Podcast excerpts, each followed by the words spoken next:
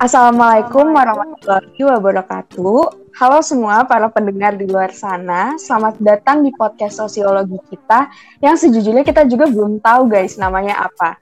Cuman di itu, di lain itu, gue mengucapkan terima kasih sebesar-besarnya untuk teman-teman yang udah meluangkan waktunya. Mungkin ada yang lagi nugas, ada yang lagi ngerjain PR, atau ada yang lagi masak untuk ngedengerin diskusi kita selama beberapa menit ke depan tentunya gue Visianet Nagel di sini nggak bakalan sendiri untuk ngebahas case yang akan kita bahas nantinya.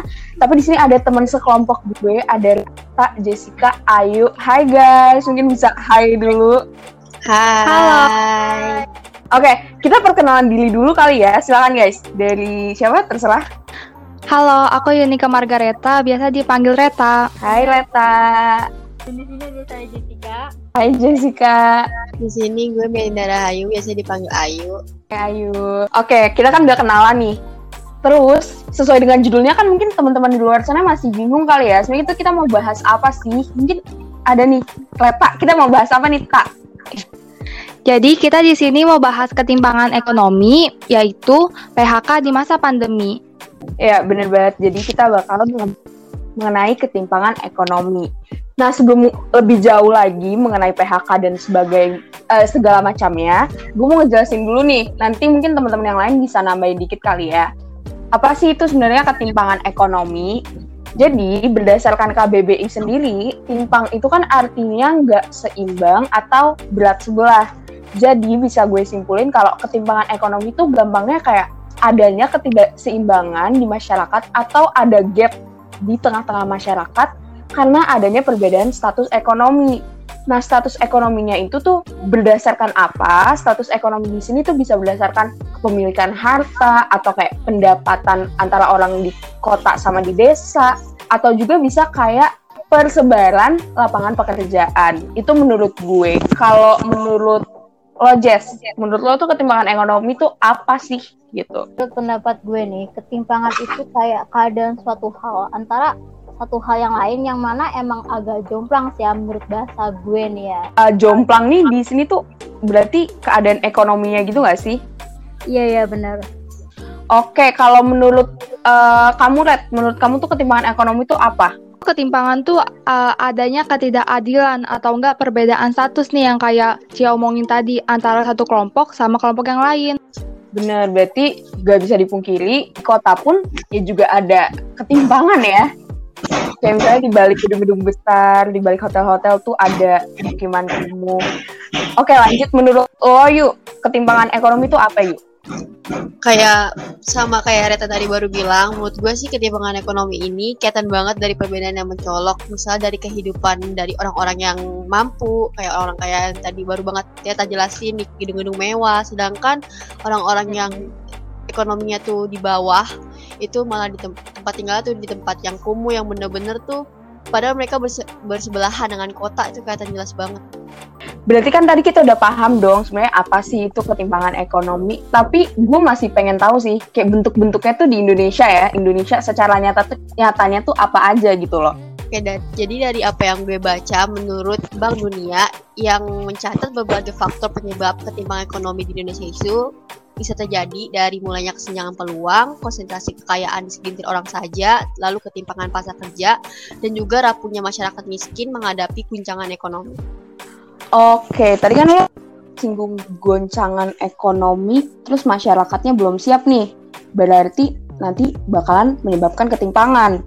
Berarti dengan adanya peristiwa kayak pandemi yang lagi kita alami sekarang ini nih, berarti bisa ini dong memicu adanya ketimpangan ekonomi, iya nggak? Iya benar. Betul, oke. Sejalan sih dengan apa yang mau kita bahas mengenai PHK di masa pandemi, yang mana PHK ini tuh berarti adanya ketidaksiapan si perusahaan untuk menangani masa pandemi ini. Jadi uh, tadi seperti yang awal yang mau kita bahas contoh kasus nyatanya itu kesenjangan ekonomi adanya PHK di masa pandemi karena PHK sendiri itu diatur dalam Undang-Undang Nomor 13 Tahun 2003 tentang ketenaga kerjaan. Nah, menurut kalian itu PHK itu apa sih? Uh, menurutku PHK itu pengakhiran hubungan kerja. Dalam hal ini, pandemi yang jadi faktor utamanya yang mana mengakibat berakhirnya hubungan hak dan kewajiban antara si pekerja dan juga perusahaan atau pemilik modal. Nah, kita bisa ngelihat dari data Kementerian Tenaga Kerjaan bahwa ada sebanyak 2,8 juta kasus pemutusan hubungan kerja yang telah dilaporkan selama masa pandemi ini. Juga berdasarkan pendapat Kamar Dagang dan Industri Bidang UMKM, itu diperkirakan sebanyak 15 juta pekerja UMKM itu udah jadi korban baik yang dilaporkan maupun yang tidak. Sebanyak 15 juta pekerja UMKM, Jess. Yap. Banyak banget.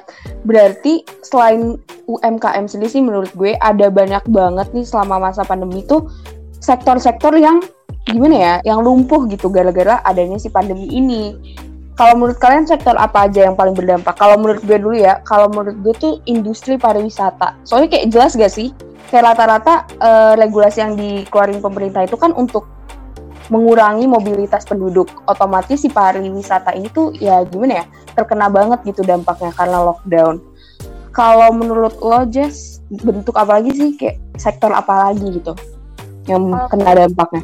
ya kalau menurut pendapat gue nih ya sektor yang berpengaruh tuh salah satunya sektor perdagangan jadi kayak yang sebelumnya orang banyak yang beli dari dagangan tersebut tapi karena pandemi orang-orang tuh jadi takut untuk keluar rumah dan gak ada yang beli dagangan tersebut terus juga ditambah lagi menurut kata data Insight Center mayoritas UMKM itu sebesar 82,9% itu ngerasain dampak negatif dari pandemi ini dan hanya sebagian kecil sebesar 5,9% yang ngalamin pertumbuhan positif. Iya bener banget, apalagi kan usaha-usaha ya mikro kayak tadi kan gimana ya mereka aja apa ya menjalankan usahanya itu diri mereka sendiri, jadi pasti terdampak banget. Kalau menurut lo yuk, gimana? Karena sekarang orang-orang takut keluar, jadi banyak yang beralih ke Shopee, Tokopedia, e-commerce lain. Tapi masalahnya nggak semua orang bisa menggunakan e-commerce. Padahal nih kalau kita lihat data dari Bank Indonesia, nilai transaksi e-commerce tuh tembus sampai 395 triliun di tahun 2021. Oh iya tahu. Terus juga katanya kan uh, sepanjang apa tahun 2021 tuh nilai transaksi e-commerce itu mencapai 186 triliun yang membuat pemerintah tuh terus gimana ya ngegencelin di UMKM untuk beralih ke e-commerce. Kalau menurut kamu tak gimana tak? Jadi selain dari yang tadi disebutin tuh sektor yang banyak terdampak tuh sektor ekspor impor. Karena kalau kita lihat sendiri kan ekspor itu kita ngejual barang ke luar negeri kan. Sedangkan kita aja di sini tuh banyak pergerakan kita aktivitas keluar kita tuh dibatasin, udah banyak kebijakan-kebijakan yang pemerintah kasih. Nah, pekerja-pekerja juga dikurangi kan uh, dan dibatasi aktivitasnya yang mana otomatis bakal pengaruh lah ke berkurangnya hasil produksi ekspor dari Indonesia. Iya benar. Apalagi kan pemerintah itu gimana ya mengurangi gitu atau mengeluarkan kebijakan-kebijakan pembatasan ekspor impor selama COVID ini. Jadi ya otomatis gak sih daya beli masyarakat juga jadi rendah gitu. Iya, iya bener banget Ci. Nah jadi buat contoh nih, ekspor migas dari Indonesia sendiri tuh pada tahun 2020 tercatat turun sebesar 29,5 dari tahun 2019 yang mana turunnya itu sebesar 3,48 miliar dolar atau kalau dirupiahin setara dengan 41 triliun. Wow. De, itu aja baru dari sektor ekspor migas. Gimana iya, ekspor, migas. ekspor lain, ya kan? Cuman kalau salah satu gue bisa ngambil salah satu contoh yang paling deket itu kalau PHK sendiri ya, itu kayak di Giant gak sih? Tahu kan iya, iya, Giant yang ada di mana-mana. Iya, iya. Wilayah ini kan ditutup secara permanen tuh pada tanggal berapa ya? 1 Agustus 2021 kalau nggak salah. Jadi di mana Giant seluruh Indonesia itu kan satu Giant aja itu pekerjaannya banyak banget kan, apalagi ini seluruh Indonesia. Jadi nggak kebayang banget ada berapa banyak tenaga kerja yang harus dipulangkan ke rumah akibat adanya pandemi ini gitu. Sedih banget. Iya. Iya kaget juga sih pas ngeliat beritanya kayak kita semua kan penduduk Indonesia pas liar kan sama giant kayak swalayan besar di Indonesia terus tiba-tiba ditutup gitu aja karena ada pandemi gini. Iya dan kejadiannya yeah. juga itu jadi serentak di seluruh giant gitu. Jadi benar-benar kaget sih. Iya bener apalagi uh, setelah gue baca tuh kayak ada sekitar 2.700an pekerja gitu deh yang harus jadi pengangguran gara-gara di cut off. Tapi dari situ, dari contoh tadi, contoh PHK di Giant, terus ekspor migas yang berkurang, kita tuh jadi makin lihat gitu kalau jelas banget nih ada ketimpangan. Ketimpangannya di mana? Dari pekerja yang jadinya nggak tahu kan dipulangkan ke rumah secara terpaksa atau bahkan secara sepihak, nggak dapat pemasukan, nggak bisa menafkahi keluarganya, atau mungkin jatuh jadi miskin gitu. Tapi si para pemilik perusahaannya itu kan dia punya modal, dia bisa buka usaha lain. Jadi di situ timpang banget gitu antara si pekerja dan si pemilik modal. Kalau contoh lain nih di luar Giant, apalagi sih PHK PHK yang lain tuh, gue kayak belum tahu banget gitu sih. Kalau misalnya kita lihat dari sisi minimarket kan banyak tuh Indomaret sama Alfamart di sekitar rumah kita. Nah dari situ tuh Indomaret sama Alfamart kelihatan banget perubahannya. Biasanya kan mereka buka sampai malam kan, bahkan ada yang 24 jam. Sekarang di masa pandemi bukanya aja jam 9, terus tutupnya jam 7 malam. Dan pembeli yang datang juga otomatis bakal sedikit kan karena pengurangan jam buka mereka. Dan juga pasti banyak kasir yang di PHK Nah, di satu sisi kasir ini kan butuh pekerjaan, tapi karena pandemi yang mengakibatkan penurunan jumlah pengunjung dan juga omset, mau nggak mau si Alfamart sama Indomart ini mengurangi kepegawaian mereka, gitu Ci. Iya ngerti sih, jadi itu si pemilik Alfamart ini lebih milih untuk ngurangin jam kerja, otomatis pekerjanya juga nggak butuh banyak-banyak banget kan, jadinya dia di PHK gitu tahu nggak sih salah satu kasus lainnya di perusahaan es krim AIC? Tahu nggak kalian? Gue nggak eh, tahu. Apa tuh yuk? Apa tuh? Gak nah, tahu. Jadi kan AIC ini kan salah satu uh, perusahaan es krim yang menurut gue itu terkenal ya. Soalnya kan dikenal es krim yang murah-murah dan juga enak. Nah, tapi tuh pernah tuh sempat gempar berita kalau misalnya PT AIC ini tuh uh, mem-PHK uh, banyak karyawan dengan sepihak gitu aja dan mereka juga tidak memberi make apa mm, pesangon uh, gitu ya? Iya betul nggak ngasih uh, pesangon yang seharusnya ke mereka. Bahkan tuh bahkan ditelantarin gitu aja gitu. Oh gue gue baru tahu banget sih. Berarti tuh anehnya PHK sepihak dong? Gak adil iya, banget. banget betul. Jadi tuh agak kaget sih pas dengarnya soalnya perusahaan sebesar IC gitu. Kok bisa gitu? Emangnya yang adil tuh gimana sih harusnya tuh kan uh, mereka itu setidaknya diberikan uh, gajian yang pas dengan UMR mereka gitu. Yang lain ada tahu lagi nggak sih harusnya tuh kalau aturan PHK tuh gimana sih? Kalau menurut gue ya Ci, kan harusnya mm -hmm. kan uh, pihak perusahaan itu ngasih pesangon ke karyawannya kalau misalnya sewaktu-waktu uh, perusahaan tersebut ngelakuin PHK karena kan hal kayak gini udah diatur juga kan di pasal jadi ya nggak bisa semena-mena gitu aja sama karyawannya. Iya, berarti nggak sesuai hukum tuh. Soalnya udah ada hukum yang ngatur kan. Iya, pokoknya kalau lebih jelasnya itu bisa dibaca di pasal 40 ayat 2 PP dan pasal 43 nomor 35 tahun 2021. Sedih banget kalau gak dapet pesangon, gak dapet gaji sama sekali bahkan tadi ya Yu. Iya benar. Uh, kalau kasus lain apalagi nih di sekitar masyarakat kita? Kalau kasus gue yang gue temuin ya Ci, kan biasanya juga bioskop itu kan rame ya, tapi kan semasa pandemi jadi sepi, terus juga pengunjung gak ada yang datang, otomatis kan pemasukan gak ada, jadi itu karyawan banyak yang di PHK, padahal kan nyari kerja di uh, masa pandemi kayak gini susah banget. Iya, tapi ya iya bener-bener. Bioskop kan sekarang tapi beruntung banget nih sekarang kan udah mulai berjalan lagi kan bioskop. Kalau menurut kalian sebenarnya faktor-faktor apa sih yang perusahaan kenapa sih perusahaan ini tuh lebih memilih untuk nge-PHK karyawan yang dibandingin kayak oke okay lah gue ngurangin modal, ngurangin pengeluaran, kenapa harus PHK? Itu Ci, uh, faktor yang paling banyak aku temuin tuh karena menipisnya ketersediaan bahan baku industri.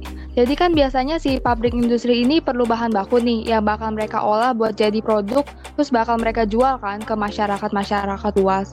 Nah tapi hmm. karena pandemi ini, bahan baku yang mereka dapatin otomatis jadi menipis juga. Akhirnya si pabrik industri ini ikutan bingung dong mereka mau ngasilin produk dari mana kalau bahan bakunya aja terbatas. Jadi dengan memproduksi produk jualan terbatas mau supaya modalnya bisa ketutup nih, si perusahaan itu ngejual produknya dengan harga yang lebih mahal.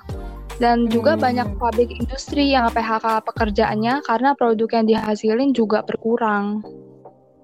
Iya paham sih karena apa ya kuantitas bahan bakunya tuh sedikit jadi langka gitu kan harga bahan-bahannya mahal gak mungkin dong mereka memilih untuk ngemahalin harga produk sedangkan masyarakat aja tadi nggak mampu untuk beli bahan-bahan kehidupan sehari-hari mereka Nah, iya benar. Konsumen kan juga ikut terdampak pandemi ya.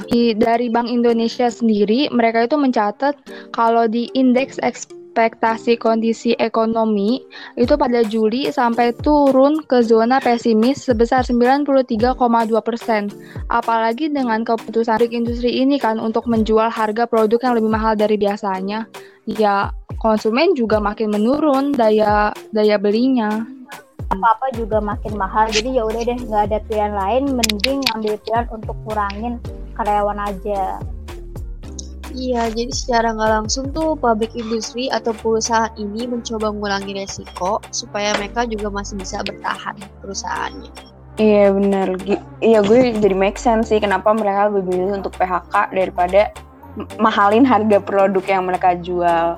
Nah tadi kan yang Leta sebutin itu dari sisi perusahaan, sisi industri atau sisi pemilik industrinya. Kalau menurut gue tuh mereka istilahnya emang emang lagi bekerja di sektor yang salah bukan salah sih kayak nggak sesuai dengan apa yang uh, masa pandemi ini kita butuhin gitu. Kayak misalnya kayak awal pandemi kan bisnis makanan lagi naik-naiknya kan karena semua orang di rumah. Sedangkan mereka-mereka yang bekerja di sektor let's say penerbangan, pariwisata, hotel-hotel itu ya lagi apes aja gitu karena ya sektor-sektor itu yang lagi dibatasin ya Oh sih? iya paham-paham. Jadi di sektor-sektor yang emang mereka pemasukannya tuh dari pengunjung-pengunjung gitu ya, Ci. Yang lebih menitik Iya. beratkan sama jasa gitu kan. Iya, jadi mereka kerja di sektor-sektor yang butuh banyak kontak sosial atau yang emang singkatnya lagi dibatasin aja sama pemerintah. Kalau menurut yang lain gimana? Dari apa yang tadi udah jelasin sama Cia sama Reta udah jelas banget sih. Jadi menurut gue faktor penyebabnya ya itu karena pandeminya. Karena dibatasi keluar, kita cuma bisa di rumah. Jadi jatuhnya tuh kayak ngapain sih kita keluar lagi kalau di rumah juga bisa. Ya karena kan apa-apa sekarang tuh juga udah serba online juga kan.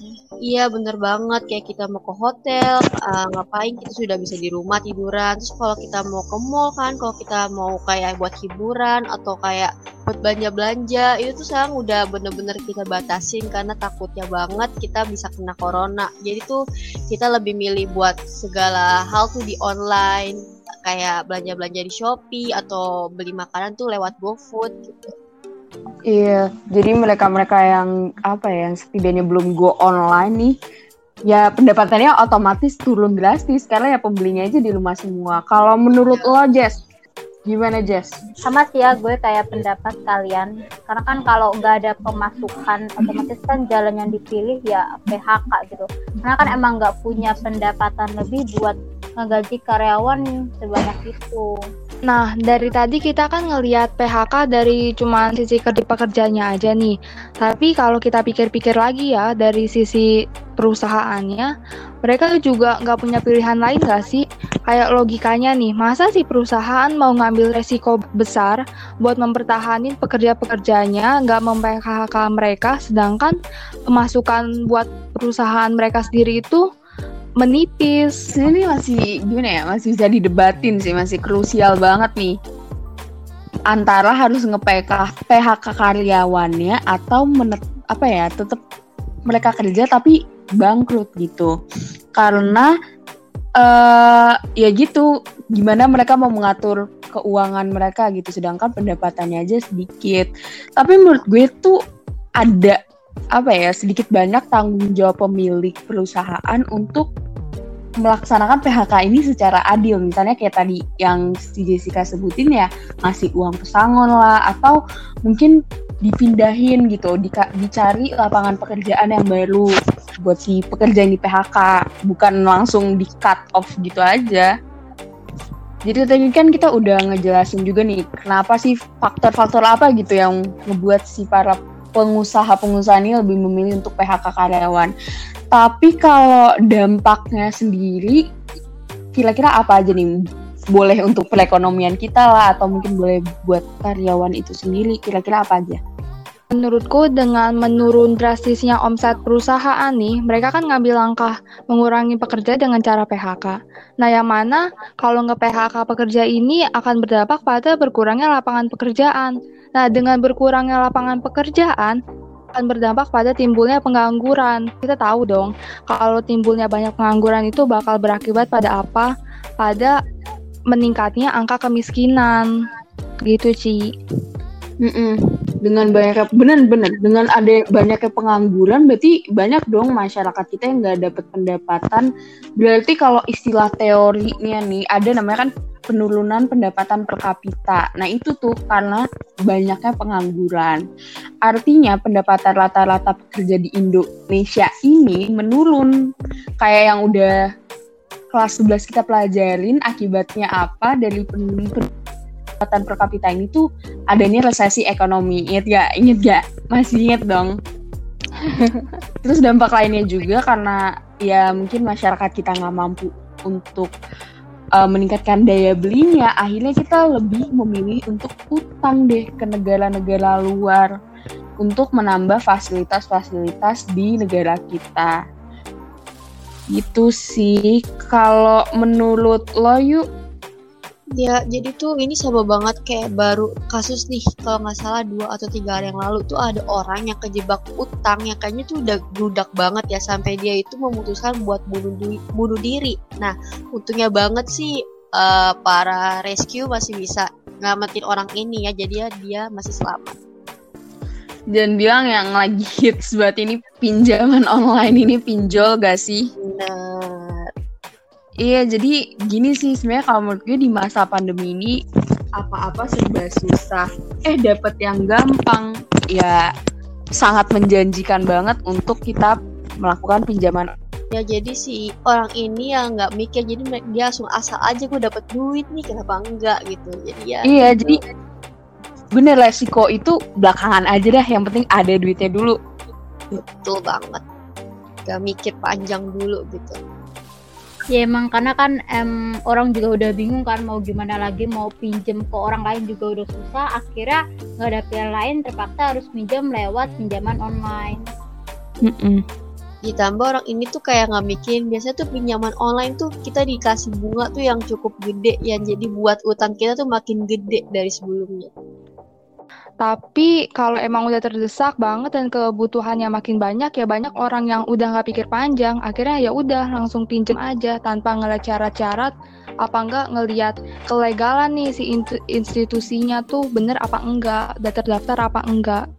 Gitu. Iya bener. Jadi sebelum minjem aja mereka mungkin udah ada tekanan psikologis karena kesusahan finansial. Eh setelah minjem pun ditagih-tagihnya dengan tidak apa ya tidak berkeprimanusiaan juga.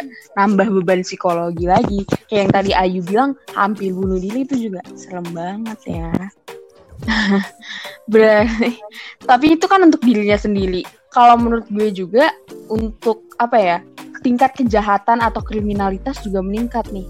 Ya gak sih Iya Ci, kayak orang yang pakai jasa pinjaman online ini kan udah terdesak nih, bingung mau mau mau ke mana gitu buat menuhin kebutuhan sehari-hari dia. Padahal dia juga udah ke PHK, lapangan kerja juga susah buat nyarinya kan.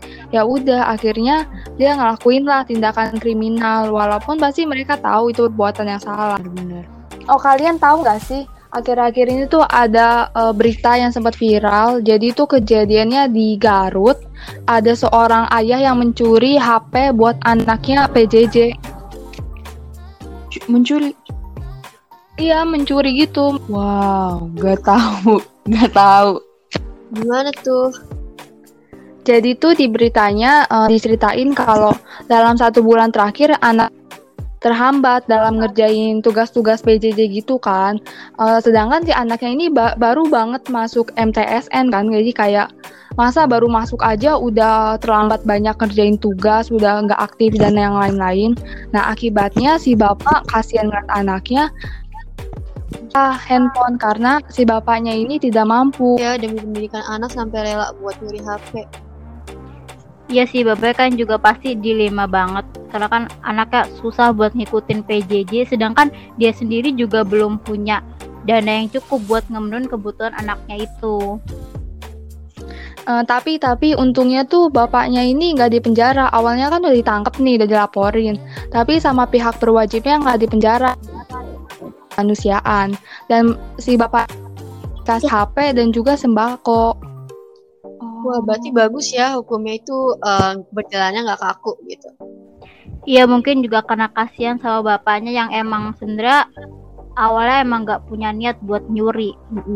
Iya, nggak ada niatan nyuri, tapi tekanan finansial dan kebutuhan jadi mendorong bapak ini buat melakukan ke, ke kriminalitas itu lah bisa dibilang. Berarti kayak bisa di apa ya? Gue bisa simpulin kalau ketimpangan ekonomi itu kayak akar dari segala ketimpangan lainnya juga gak sih? Iya. Kayak tadi kan ya itu kan contoh dari ketimpangan pendidikan. Bayangin aja kita di sini bisa PJJ dengan gampang nih bisa bikin podcast kan. Bisa ngerjain tugas dengan segala mudah, nonton YouTube bisa. Tapi masih banyak juga loh sebenarnya teman-teman di luar sana yang memiliki keadaan finansial yang tidak sebaik ini bahkan untuk belajar pun. Jadi nih guys, kalau kata Pak Salamat yang merupakan Deputi Bidang PIP Bidang Perekonomian dan Kemaritiman BPKB, karena kondisi perekonomian Indonesia yang sekarang sedang menurun drastis, uh, menyebabkan jadi penyerapan belanja buat penanganan pandemi itu juga belum optimal. Nah kalau misalnya penanganannya aja belum optimal, mengakibatkan peningkatan penularan tuh lebih lebih cepat gitu loh kesebarnya karena nggak ada nggak ada halangannya dan juga karena fasilitasnya belum memadai kan di Indonesia ini dan juga mengakibatkan pertumbuhan ekonomi kita itu masih minus. Iya benar. Gimana kita mau memenuhi kebutuhan kita kalau kondisi keuangan kita aja lagi buruk? Tentunya kita nggak bisa dong kayak berlarut-larut apa ya berlarut-larut dalam segala apa ya kekurangan kita yang PHK tetap gak kerja tetap jadi pengangguran itu kan nggak boleh gitu dong. Gimana caranya kita harus bisa bangkit dan ekonomi kita bisa tumbuh dan semakin merata juga nih tidak terlalu jelas ketimpangannya. Jadi gue mau nanya sih kalau solusi apa sih menurut kalian yang bisa diberikan gitu bagi masyarakat Indonesia dari pemerintahnya? Kalau gue sendiri menurut gue kalau dari pemerintah ya jadi pemerintah itu ada program namanya PEN, itu tuh singkatannya dari Program Pemulihan Ekonomi Nasional. Jadi di melalui program ini pemerintah ini tuh berusaha untuk ngasih bantuan berupa modal atau mungkin pengurangan pajak bagi para uh, pelaksana UMKM gitu. Jadi gimana ya istilahnya pemerintah di sini berusaha buat ini sih ngelindungin, ngebantu atau mendorong lagi dengan dana yang ada bagi masyarakat masyarakatnya untuk ya gimana ya udah nggak nggak usah kerja tapi ngebuat sebuah usaha yang baru gitu. Kalau yang lain menurut kalian solusinya apa nih? Kalau menurut kamu deh tak si pekerja dan si perusahaan dari ini bisa mengedepankan dialog sosial apa langkah yang niatnya bakal diambil. Jadi enggak enggak sepihak. Enggak. jadi si pekerja juga enggak kaget kan kayak tiba-tiba kenapa di PHK belum ada persiapan apa-apa kan. Kalau udah ada kerja sama si perusahaan gini otomatis si pekerjanya kan bisa lebih siap mental nih. Jadi eh, PHK bener-bener jadi kalaupun emang terpaksa PHK itu aja satu sisi karena Iya. Mm-mm. Kalaupun mau PHK ya harus sesuai hukum tadi. Gimana caranya biar kedua pihak tuh ada kesepakatan. Kalau menurut lo Jess, apa Jess solusinya Jess? sama ya Ci kayak pendapat lu tadi kalau misalnya sebelumnya UMKM itu kan dagangannya sepi nah pemerintah tuh bisa aja ngasih insentif berupa uang yang mana dari situ nantinya bisa ngebuka lowongan pekerjaan lagi bagi pekerja-pekerja yang sebelumnya emang terdampak PHK karena kan UMKM itu sendiri kan bisa dibilang pilar penting dalam perekonomian Indonesia yang mana jumlah UMKM di Indonesia itu kan sebesar 64,13 juta atau sekitar 99,92 persen dari keseluruhan sektor usaha. Jadi pemerintah nih perlu banget naruh perhatian lebih ke UMKM ini. Iya benar karena gimana ya UMKM ini kan bisa siapa aja gitu yang menjalaninya bisa mereka yang emang basicnya ada usaha gitu, basic pengetahuan perusahaan atau ada pun mereka-mereka yang baru di PHK. Jadi gue berharap banget sih target apa ya? Target pembelian in insentif pajak tadi dan segala bantuan-bantuan pemerintah tuh bisa sampai ke tangan yang benar. Kalau menurut lo yuk apa yuk solusinya yuk? Uh, buat gue sendiri sih uh, khususnya buat pekerja-pekerja yang udah telanjur kena PHK yang secara nggak adil dan pemerintah kan pasti nggak bisa langsung bisa nanggepin mereka secepat itu kan. Jadi saran gue uh, yang udah telanjur kena PHK supaya mereka tuh jangan terlalu lama terpuruk dan bisa berusaha untuk inovatif gitu. Jadi zaman globalisasi kayak gini kan apa-apa mudah ya, apalagi sekarang tuh semua udah online. Jadi semenjak pandemi ini aplikasi jual beli online tuh udah yang bener-bener aktif banget. Nah, kalau bisa mereka itu uh, nyoba-nyoba hal-hal baru lewat online ini supaya mereka bisa menghasilkan pendapatan kembali.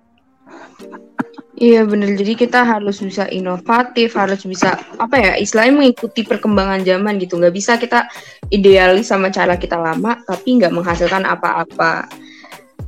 Itu berarti kalau dari sisi pemerintah kan udah tuh ngasih bantuan modal atau insentif pajak, relaksasi PPNBM, ada apa lagi?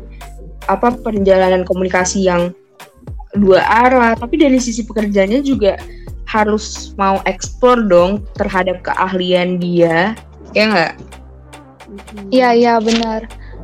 Kayak nih kita kan udah ada di zaman globalisasi. Kita tuh manusia modern kan.